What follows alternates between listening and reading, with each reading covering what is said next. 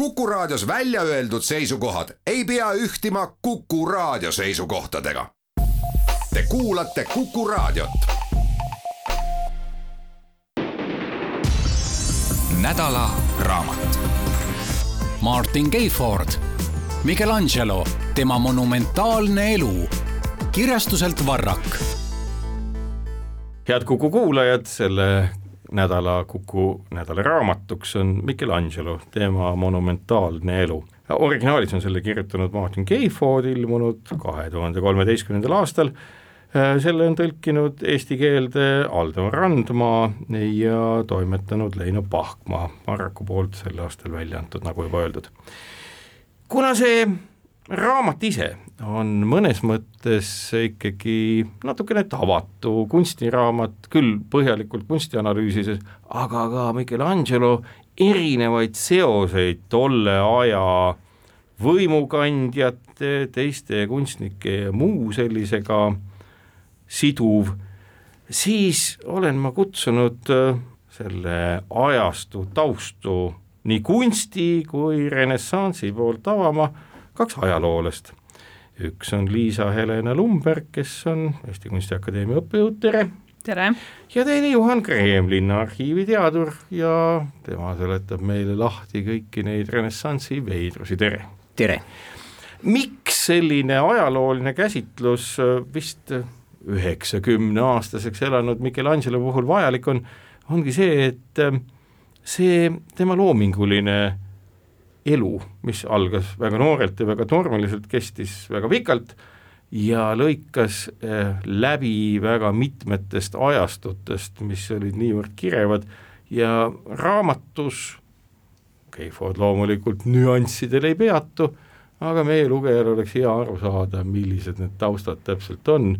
ja kuidas see ajastu toona välja nägi, sellepärast et kogu Euroopa toona, nagu me teame, elas läbi reformatsiooni ajastut, mis ei olnudki teab mis selline rahulik ajastu. aga kui algust teha, siis Liisa, kas sellised, noh, me teame temast veidi vanemat, mõnikümmend aastat kunstnikku Leonardo da Vincit, kes ka üsna noorelt oli väga andekas,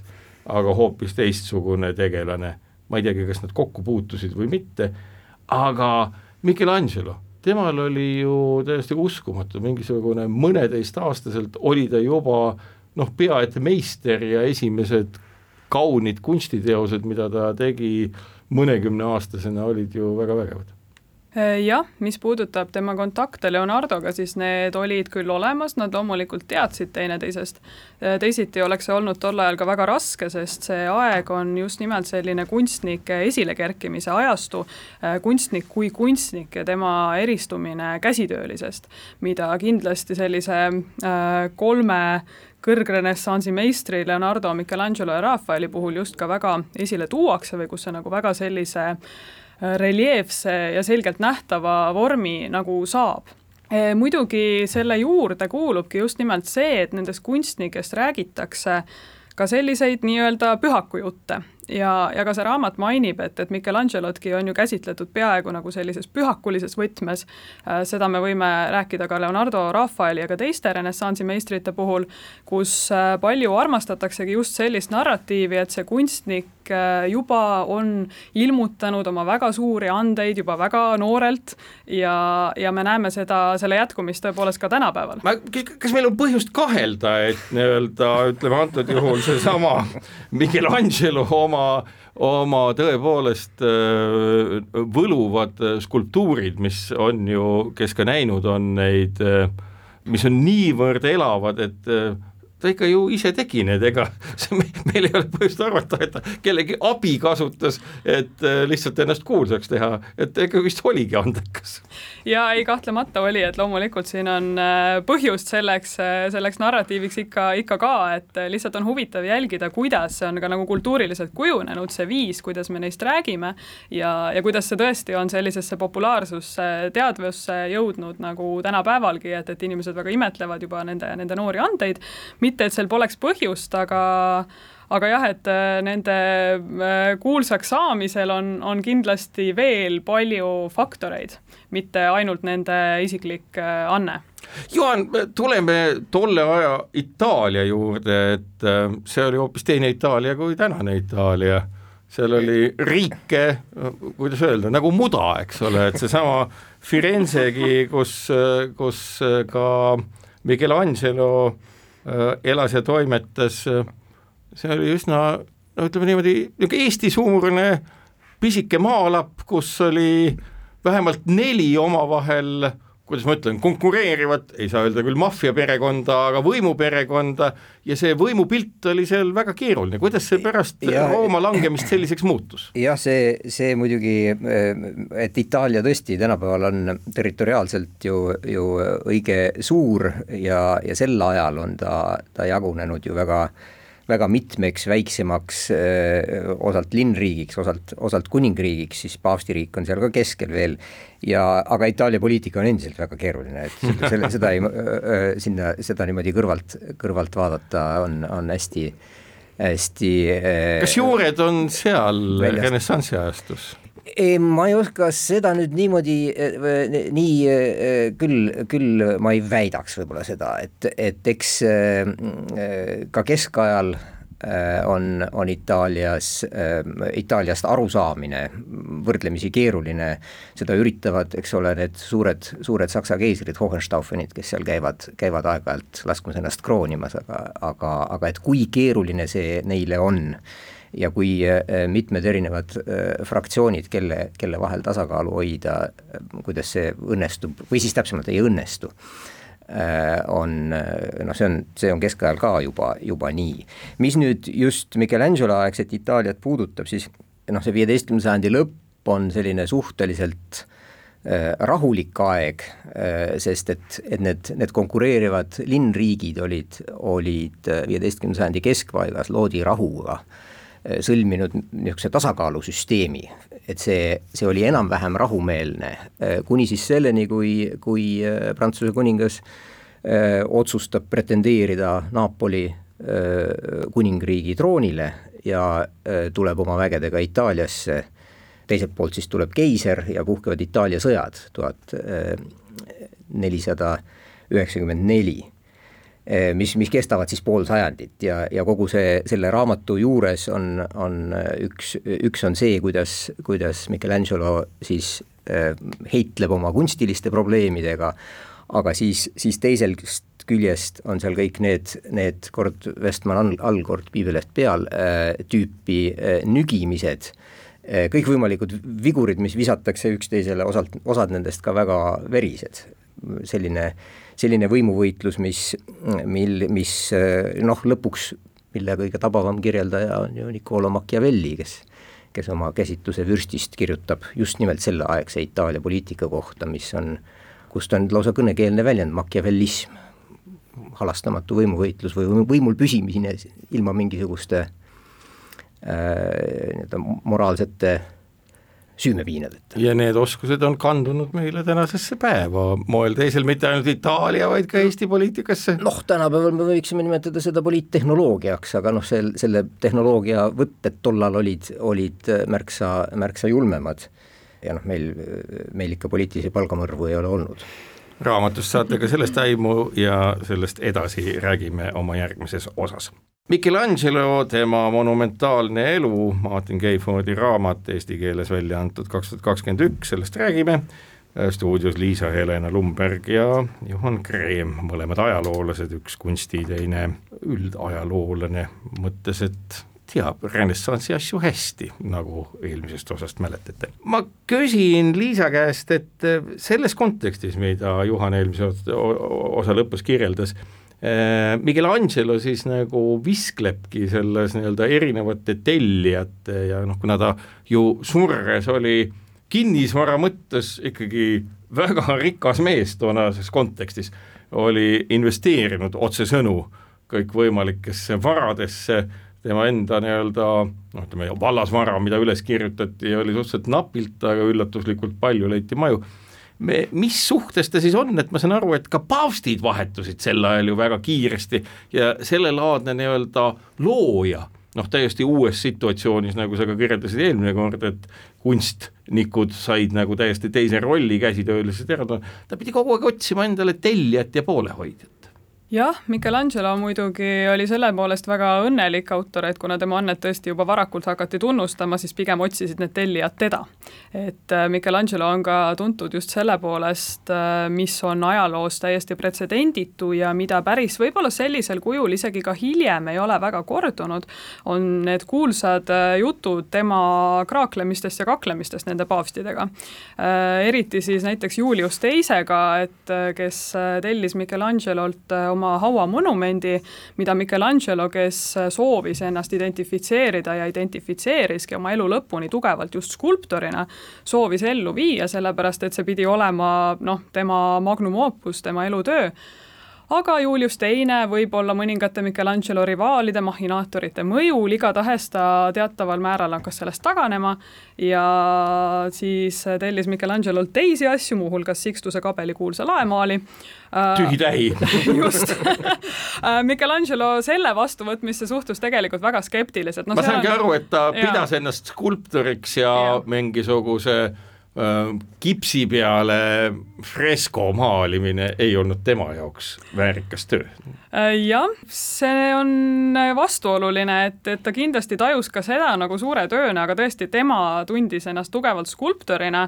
ja noh, kõlakad käivad, et Rafael ja Bramante, kes olid paavstile väga lähedal seisvad isikud ja siis vastavalt ka maalikunsti ja arhitektuuri valdkonnas, kuigi noh, tolleaegseid kunstnikke üldse niimoodi ühte meediumisse kuidagi aheldada on, on nagu liiast, et sellest ju ka see kuulus fraas renessansi inimene, et, et nad olid tõesti väga mitmekülgsed, mhm. noh, kuni inseneeriani ja sõja no,. kui me meenutame Da Vincitki, eks, et e, ega noh, Michelangelo on ka bastione joonistanud, et see just just, just, just, just. aga, aga jah, et, et tema sellised tugevad vastuolud ka noh, tõesti suure võimuka sõjaka paavst Julius Teisega on, on nagu väga tähelepanuväärsed, et et temal tõesti õnnestus see pigem vist niimoodi, et ta ei pidanud ise sugugi neid tellijaid otsima, vaid, vaid tellijad otsisid ja, ja moosisid teda ja tal oli võimalus oma kaks jalga maha lüüa, kus, kus ta seda, seda soovis, et, et noh, muidugi ta pidi nagu paavstile kuuletuma, aga seal on jah, teateid sellistest enneolematutest ähm, suhetest kunstniku ja paavsti vahel. Jaan, küsin su käest, ega toonane ajalooperiood, mis siis äh, oli see Michelangelo üheksakümmend aastat, paavste vahetus siis noh, mitte nüüd nii kiiresti nagu demokraatlikus riigis valitsusi, aga ka üsna sageli. kuidas paavsti ja kogu siis äh, tolle rahuaegse ja hiljem ka siis nii-öelda omavahel sõdades oleva äh, Itaalia riigikeste need suhted olid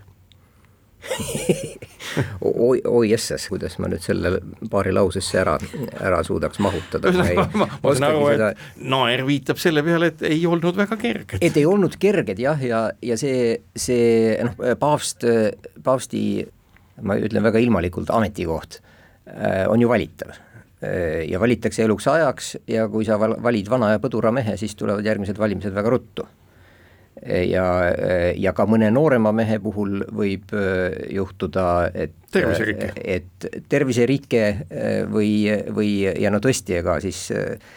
meditsiin ei olnud nii, nii hästi arenenud kui, kui praegusel ajal, ka, ka lihtsalt sapikivid võivad su hauda viia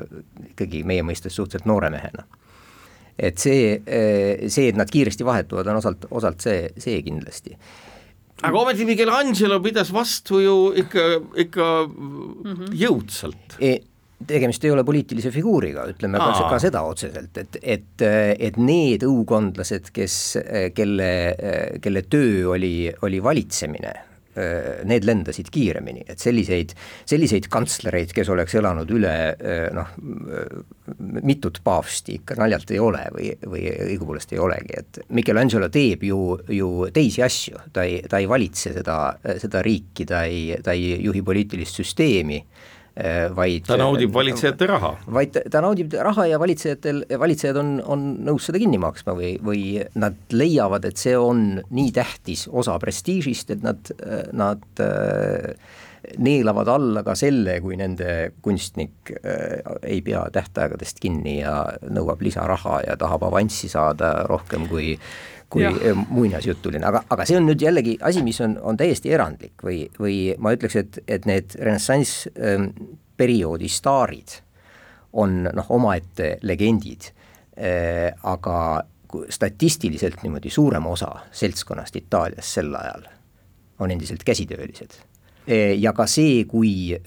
Michelangelo tõuseb sinna äh, Firenze kõrgkihtidesse nende teiste patriitside kõrvale, siis talle ikka vaadatakse ülevalt alla, et sina ju oled käsitööline tegelikult. et see, see staatus ei äh, noh, me, meil on lihtne seda ette kujutada suure plahvatusena ja ongi mood-, modernne Äh, vaba indiviid ja äh, ei midagi sellist tegelikkuses. et tegelikult see protsess on väga palju pikem ja, ja nende üksikute staaride põhjal ei maksa väga suurt üldistust ühiskonna põhjal teha. Jah, see on tegelikult väga vastuoluline, et ka Michelangelo enda puhul, keda, kelle puhul meie ei kahtle selles staar olemises või tema loomingu suuruses, on tegelikult teateid sellest, et tema isa näiteks üldse ei kiitnud seda heaks mm, -hmm. et et kui poeg valib kunstnikutöö raja, noh, ütleme siis käsitöölise raja, sest noh, tõesti nagu, nagu Juhan ka ütles, on tollel ajal väga palju siiski seda, eh, kus nähakse jätkuvalt ka, ka meie mõistes väga suurt kunstnikku ikkagi tõesti käsitöölisena, mingi musta töö tegijana ja see on, see on vastuoluline,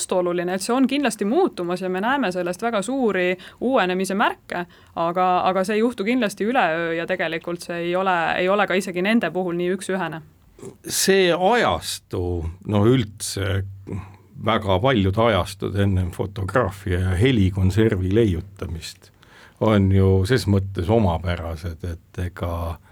kujutised ei liigu ja muljed, mis on noh, nii-öelda nagu mälestused päriselust, et selle tekitamine on ju mõnes mõttes selline omas ajas müstika. muusikat tuleb mängida instrumentidel maalid peavad olema sugereerivad skulptuurid nagu elus, et kas me näeme mingit analoogiat siin paljuski sellega, mis on tänapäeval, et noh, kas me võime öelda, et meediumi loomise mõttes on Michelangelo nagu mõnes mõttes tänapäeva Zuckerberg või keegi teine, kes ka tekitab või filmirežissöör või kama kes jah, ma arvan, et selle küsimuse kujutise mõjust ja selle mõju jõust, selle mõjust ühiskonnas, et see kindlasti on võrreldav mingite tänapäevaste selliste suurte nähtustega, mida kahjuks muidugi tuleb arvestada, on see, et ega ka toona ei jõudnud need teosed väga paljude inimesteni siiski. see on tegemist, kunstitarbijaskond on siiski sajandeid olnud eliit, kes maksab, tellib muusika, kes sellele üldse ligi pääseb, loomulikult kes inimesed... Sikstuse kabelisse sisse said toona? No see on ikkagi olnud äh, paavstide pärusmaa ja selles mõttes, et kindlasti on neid inimesi veel, aga mitte needsamad lihtsalt käsitöölised et.... Sikstuse kabel jah, muidugi, aga, aga need Firenze linnakirik või, või Peetruse katedraal, et, et seal äh, käis küll iga issanda palverändur, kes, kes Itaaliasse sattus, et seda küll, mis muidugi renessansi ajal on veel väga oluline, on selline teatav meediarevolutsioon siiski, et need kujutised hakkavad liikuma ja loomulikult see trükikunsti leiutamine mängib siin väga tähtsat rolli. Ja raamatus ka räägitakse sellest, kuidas üldse paber muutub kättesaadavamaks ja kuidas kunstnikud hakkavad ka üha rohkem lihtsalt paberile juba joonistama, aga need äh, gravüürid, et neid teoseid, mis on originaalis suured freskod, mis on statsionaarsed ja mis ei saa reisida üle riigipiiride, kui neid just tükkideks ei lammutata ja laiali ei kanta, anta, äh, mida, mida võis ka juhtuda, aga eriti ettevalmistavate kartoonide puhul siis äh, on teateid ka Leonardo ja Michelangelo puhul sellistest asjadest, et tekivad äh, reprodutseeriv graafika, et ehk siis gravüürid, et kus neid hakatakse kopeerima, levitama ja noh, meie mõistes ja pildid nagu... muutuvad kättesaadavamaks. aga sellest kõigest juba meie järgmises saate osas head kuulajad, Michelangelo teema Monumentaalne elu, Martin Keifordi raamat kaks tuhat kakskümmend üks eesti keelde tõlgitud ja Varraku poolt välja antud, selle tutvustamine jätkub. külas Liisa-Helena Lumberg ja Juhan Kreem, ajaloolased, kelle olen appi palunud, et toda ajastut veidi paremini lahti seletada, kuna raamatu mõistmiseks on sellest palju abi nüüd ähm, Juhan sellesama äh, ajastu juurde, et äh, jällegi, kui me võtame sellesama Firenze või muud need, siis need linnad olid ju noh, üsna noh, ma ei ütle, et nüüd äh, Viljandi suurused, aga Tartust mitte suuremad, sellised pisikesed. Ja seal oli väga kirev kultuurielu, lisaks väga palju kaubandust, et äh, nad pidid väga jõukad olema, et nad nagu kõige sellega toime tulid et seda mastaapi tegelikult on, on jah, päris raske ette kujutada, et suurem osa eh, Euroopa linnadest keskajal on, on meie mõistes ikkagi väga väiksed linnad, noh alla tuhande elanikuga linnad. Eh, et selles mõttes kuuekümne tuhandene linn oli ikka väga suur. just nimelt, just nimelt, et selles, selles äh, kontekstis on, on kuuekümne tuhandene Firenze ikkagi väga suur linn juba ja, ja kui, kui mõelda, et äh, siin jälle võrdluseks paneme kõrvale, et, äh, et Tallinn noh, vast kuus-seitse tuhat, Riia äkki kümme täis. sel ajal. ajal et siis, siis nii-öelda kuus korda suurem linn. metropol. täpselt nii, jah. ja, ja noh, seal ei ole, ole imestada jah, et, et et, et sellistes äh, suuremates kohtades äh, leidub, leidub ressurssi, mida, mida suunata siis, siis öö, äh, otseselt, eks ole, mitte, mitte tootva nii-öelda kapitali tagasiteenimiseks, vaid, vaid, vaid enese jäädvustamiseks või, või, või esitlemiseks või ka jumala auks kuidas nende jäädvustamistega on, et enamus neid, kes selle töö kinni maksid, kui ma vaatan neid paavstide nimesid või inimesedki loevad raamatust seda, et noh, paavsti nimed ei tule meelde, et kas nii-öelda mängis siis Michelangelo parasjagu, parasjagu hea vingerpussi, et tema nimi jäi alles ja kõik muu nagu hajus sealt no minule kui kunstiteadlasele samas on mõningad paavstid just jäänud päris hästi meelde just sellepärast, et olen Michelangelo elu natukene ja tema loomingut vaadanud, nagu näiteks Julius Teine on suhteliselt unustamatu, aga ka Clement Seitsmes, kellega ta oli heades suhetes ja, ja nõnda. Aga, aga kuidagi jah, on, ongi küllap niimoodi, et, et mõningad ka poliitilised figuurid on saanud meile tuntavamaks, tuttavamaks just tänu nendele kunstiteostele, mis on neist loodud. ja tegelikult ei olnud see ka neile ju mingisugune uudis, miks nad muidu oleksid seda tellinud, et äh, üks huvitav äh, ähm, konstateering pärineb juba antiikajast, äh, ütleb Vitruvius, kes kirjutab ühe ajaloo esimestest, ühe kuulsamateks saanud arhitektuuritraktaatidest ja ütleb, et arhitektuur on tähtis, sest aitab meid mäletada. ja ta ütleb seda just nimelt valitsejale, et miks on oluline püstitada neid hooneid, sest nende kaudu mäletatakse pärast sind. et see nägemus, et ma elan kuidagi kunstis edasi. Ja see tegelikult on ka Michelangelole endale olnud iseloomulik, et kui küsiti tema käest, et miks tal polnud naistega lapsi, ütleb ta, et, et minu, minu pojad on minu kunstiteosed ja nad elavad pärast mind. Ja võib-olla elavad nad äh, märksa kauem ja esindavad mind veel palju kenamini ja paremini, kui minu päris pojad seda teha saaksid Juhan, me teame, kuusteist sajandi algus algab meil Euroopas sellise korraliku reformatsiooniga, mis äh, on valus, kummaline, üllatav ja mida kõike muud. mismoodi näeb välja siis reformatsioon Itaalias, mismoodi see laine sealt üle käib ja äh, jällegi, et kas äh, Michelangelo poeb nende muutuste eest peitu või lihtsalt äh, lepib nendega ja kulgeb nagu lainelaudur stiihiaga kaasa. Sellega äh, Itaalia muidugi reformatsiooni ajaloos äh, jah äh,, suurte uuendustega väga silma ju ei paista, et see äh, see, mis, mis põhja pool Alpe toimub, on, on märksa Äh, tähendusrikka või noh, alustades ka provintsiülikooli Wittenbergi äh, sündmustest, äh, kus Martin Luther ähm, noh, soovib disputatsiooni või noh, ega Genf sel ajal ei ole ka teab mis või, või Zürich ähm, sellised maailma pealinnad, et, et reformatsiooni suur, suuremad sündmused toimuvad kindlasti põhja pool mis ei tähenda seda, et Itaalias ei oleks, oleks nende teemade üle pead murtud või, või, või religioosses elus olnud, olnud probleeme, mis vajaksid lahendamist ja need, need, nendesamade renessansspaavstide õukonnad on, on väga kõva kriitika all just seetõttu, et, et keskendutakse ilmalikule elule ja, ja ei, ei peeta silmas kiriku või usuelu ähm, eest hoole kandmist. et see on ka see, mis, mis tegelikult ka, ka üks Luteri ähm, elamusi, kui ta Roomas käib ja, ja vaatab seda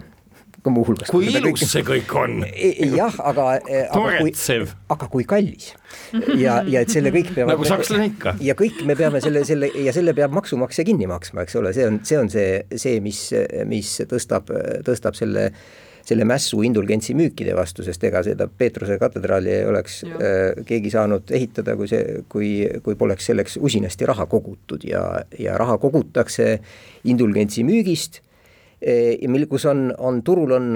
eh, on nõudlus ja siis pakkumine tuli järgi, see on, on, on see kujund, mis, mida eh, mulle meeldib selle, selle aja usuelu kohta kasutada, et, et usu, et see lunastusmajandus kuumenes üle. Hirm selle ees, mis, mis teispoolsusest saama hakkab, on, on täiesti reaalne.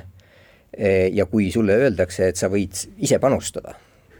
Äh, selle paremaks muutmiseks. makstes kõik, raha. just. ostes indulgentsi. ost-, ostes indulgentsi, makstes raha, et, et siis, siis loomulikult sa pingutad selle nimel äh, ja, ja soovid osta järjest, äh, järjest kallimat indulgentsi, kui, kui võimalus tekib. Mida sulle siis ka pakutakse? Samas teistpidi kogu esteetika, mis selle indulgentsimajanduse põhjal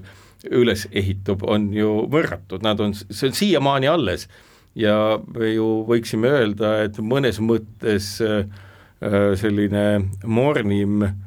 ja üheplaanilisem äh,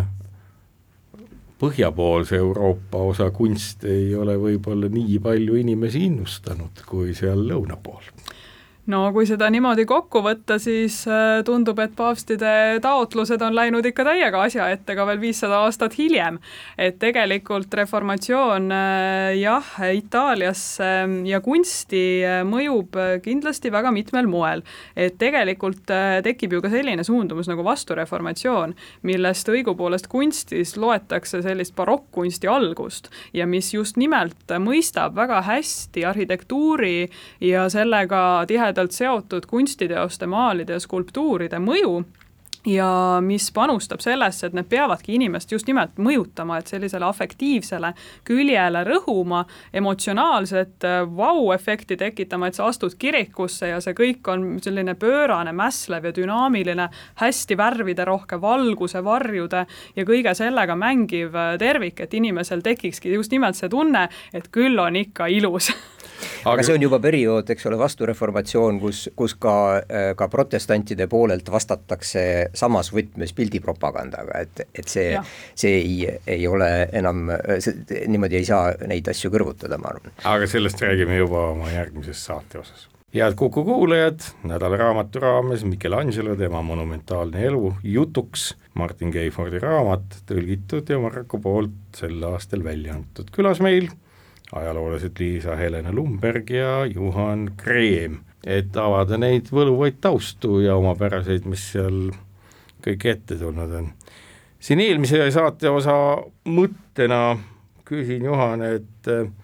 kui kujutaks ette, et sellist eh, reformatsiooni, noh, mida me nagu kuidagi ühtepidi kõneleme kui väga progressiivsest asjast millegi tõttu, aga kui seda olnud ei oleks kas ma saan aru, et see paavsti riik võinuks ja kogu see nii-öelda äh, kunstielu võinuks lõppkokkuvõttes muutuda ilmalikumaks kiiremini kui kõikjal mujal, kas äh, see võinuks tähendada seda, et äh, selline valdavalt religioosne ilmapilt oleks muutunud selliseks mütoloogiliseks ja inimeste looming oleks saanud suuremat mõju ja võib-olla ei oleks ka olnud niisugust tõsisemat inkvisitsiooni ja teadus oleks saanud veel vägevama tiiva lendamiseks.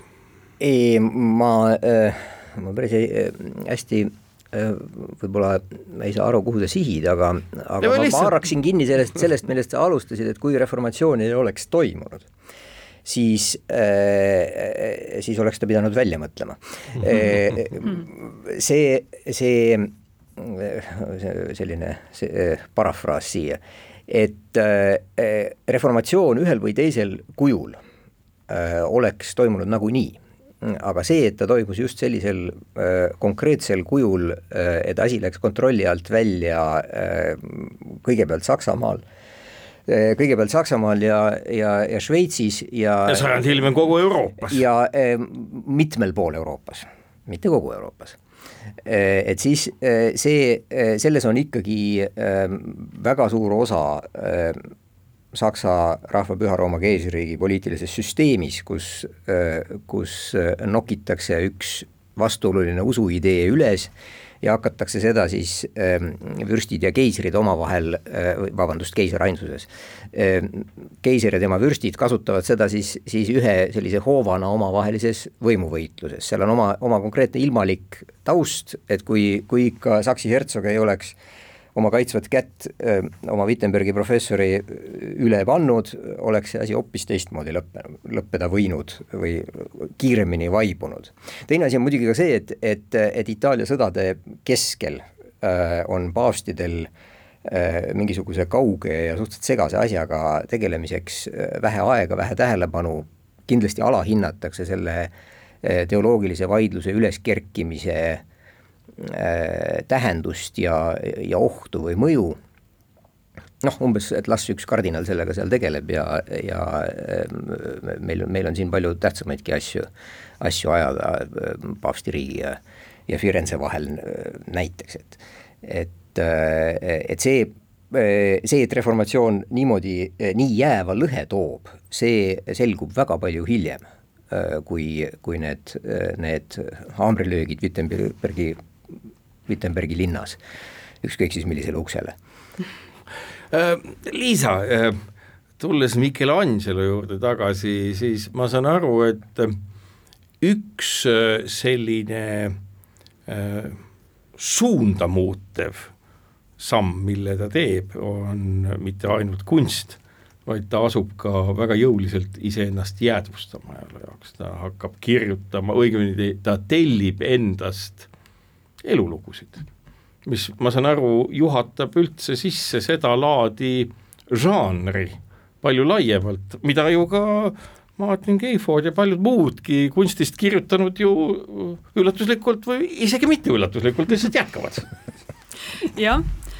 see on tõesti miski, mis tuleb renessansi ajal väga tugevalt, on see, et kunstnik üldse hakkab endast äh, jäädvustama oma töös äh, mitmel moel, et kõigepealt tekib äh, rohkem teoste signeerimist, et meistrimärke lisati ka keskaja töödesse juba küll, aga, aga renessansi ajal see hoogustub ja, ja saab sellise uue nagu suuna,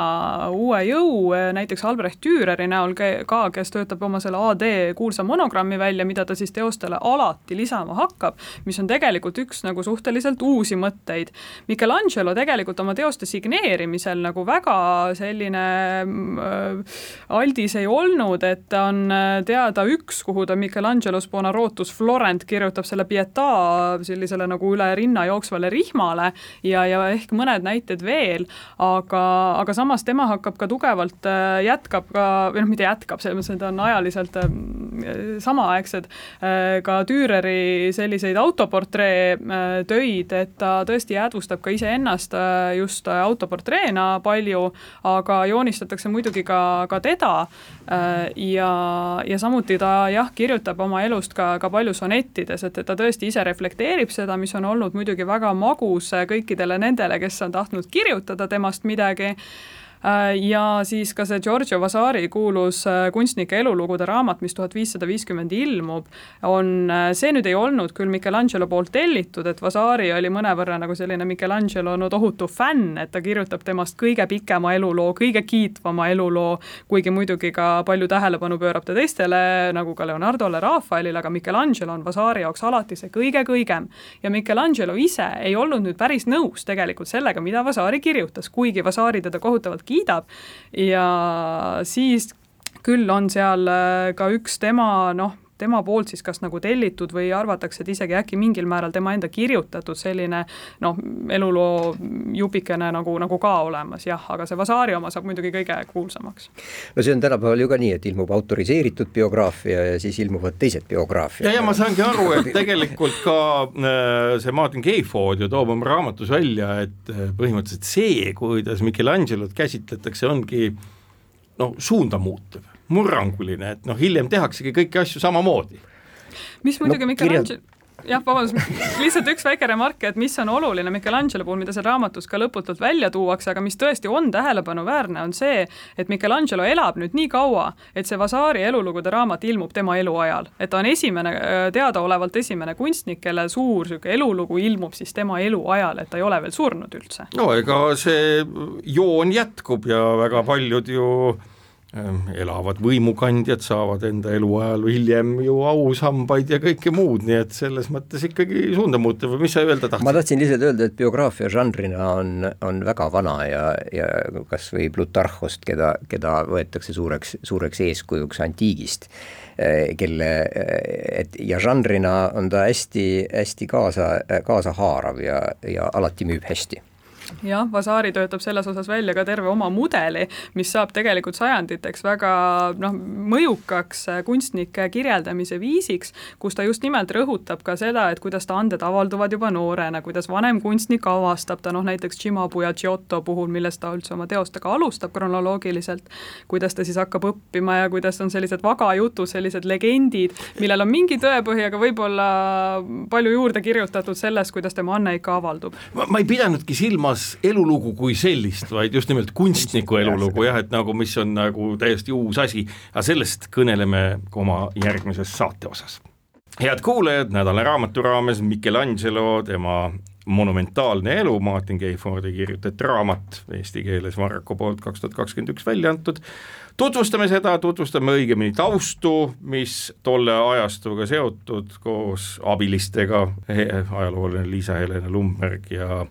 Juhan Kreem meil saates külas, aitamaks mind. kas Michelangelo oma elu jooksul Itaaliast välja sai? ohohoo, ma ei ole selle küsimuse peale ma ei leidnud seda sellest raamatust ei julge praegu kinnitada ega ümber lükata, mulle tuleb kohe meelde muidugi Leonardo, kes elu lõpul lähebki Prantsusmaale ära ja elab oma elu viimased mõned aastad seal. Michelangelo puhul on teada, et ta on küll näinud madalmaade maale, aga need ka liikusid üle Alpide, nii et selle nägemiseks ta ei pidanud tingimata minema, et ma kardan, et äkki ta ei jõudnud Itaaliast välja, aga ma võin praegu eksida, et ma ei julge nagu kindlalt öelda. võib-olla jäi mul ka midagi kahe silma vahele, noh, see ongi nüüd lugejal võimalus vaadata, kas on kahe silma vahele jäänud või leiab ta selle koha üles? arvestades tema töönarkomaaniat muidugi on võib, võib-olla tõenäoline, et äkki ta ei võtnudki ette midagi, mis on niivõrd vaeva ja aega nõudev, kui seda on reisimine renessansi ajal. ma mõtlen praegu ühe asja peale, alati kui keegi on väga loominguline, siis ütleme, sellisel vürtsitatud kujul kajastatakse tema sellist kehva iseloomu ja kõike muud, noh, arusaadavalt, kui inimene on väga andekas, siis talle käivad väga paljud asjad närvidele ja ei saagi ju seda ette heita. Kas see on ka selline, kuidas ma ütlen, nagu stiil, et nagu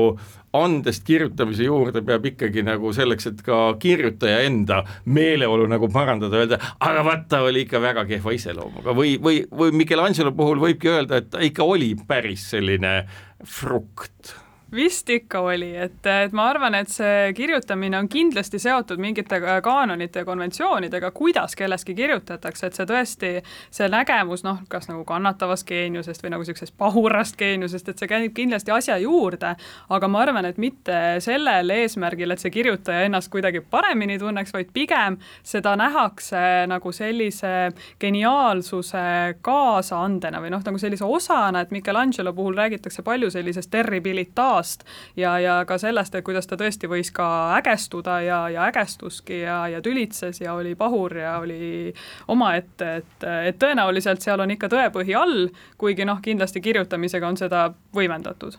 et seda tegelikult, kui, kui vaadata seda, mismoodi suguvõsa sees neid kirju vahetatakse, et siis millest seal raamatus on otse ju palju tsitaate ka, et, et mismoodi mismoodi üks Itaalia perekonnatüli välja näeb valdavalt rahaasjades, aga nüüd see on niisugune stopp, et need on need säilinud kirjad ja see ei olnud see, kuidas nad Firenzes tänava peal rääkisid või, või kodu, oma koduseinte vahel, kui nad tegelikult kokku said. kas nad kirjutasid ise või nagu Leonardogi ajal kasutati kirjutajat? kas selle kohta seda on mingit on- ma, ma püüdsin ka seda vaadata, sellepärast et no nii-öelda sageli kirjaoskus oli selline noh, no, eriti retooriliselt hea kirjaoskus. see ei ole is isegi alati äh, selles, et nad ei oska kirjutada, vaid et, et kuna äh, kui sa, siis sul peab olema ka hea käekiri ja hea käekiri on professionaalsel kirjutajal äh,. Et et tihtipeale sellised asjaajamiskirjad lastakse kellelgi kirjutada, sellepärast et seal on esiteks kõik kohustuslikud komponendid olemas ja teiseks äh, on see loetav, sest ja arusaadav, selgemini kirja pandud, et, et äh, eks nad kirjutasid ise ka muidugi, aga, aga, aga võib-olla tõsisema asja ajamiseks palkasid kellegi. ehk et need nii-öelda tsitaadid kirjadest, need ikkagi peegeldavad seda vahetut emotsiooni, mitte ei ole äh, ütleme sellisest retooriliseks muutu-, muudetud emotsioonid nii, nii üht kui teist, ma arvan, et, et see, see, seda on te, teinekord väga raske eristada või kirjadest välja filtreerida, et mis see nüüd siis on, et kui ma äh, kirjutan alla sõbralikult teie, et kas siis ma nüüd äh, nöögin või, või äh,, või, või, või olen, või olen lihtsalt viisakas äh,, mõnitan või päriselt olengi sõbralik. Et sellise, seda, see on kirjade uurimise juures, juures alati, alatine probleem, aga millele ma tahan tähelepanu juhtida, on see, et need on need säilinud kirjad et asjaajamiskirjad üldiselt säilitati ja nendest võib jääda selles mõttes kallutatud mulje, et nad muud ei teinudki, kui ainult raha pärast vaidlesid. Eh, ehk siis eh, see on, on allikate juures alati, kirjalike allikate juures alati, mida peab tähele panema, et, et mis seal veel võis olla või et, et ärgem laskem ühesõnaga sellel teemal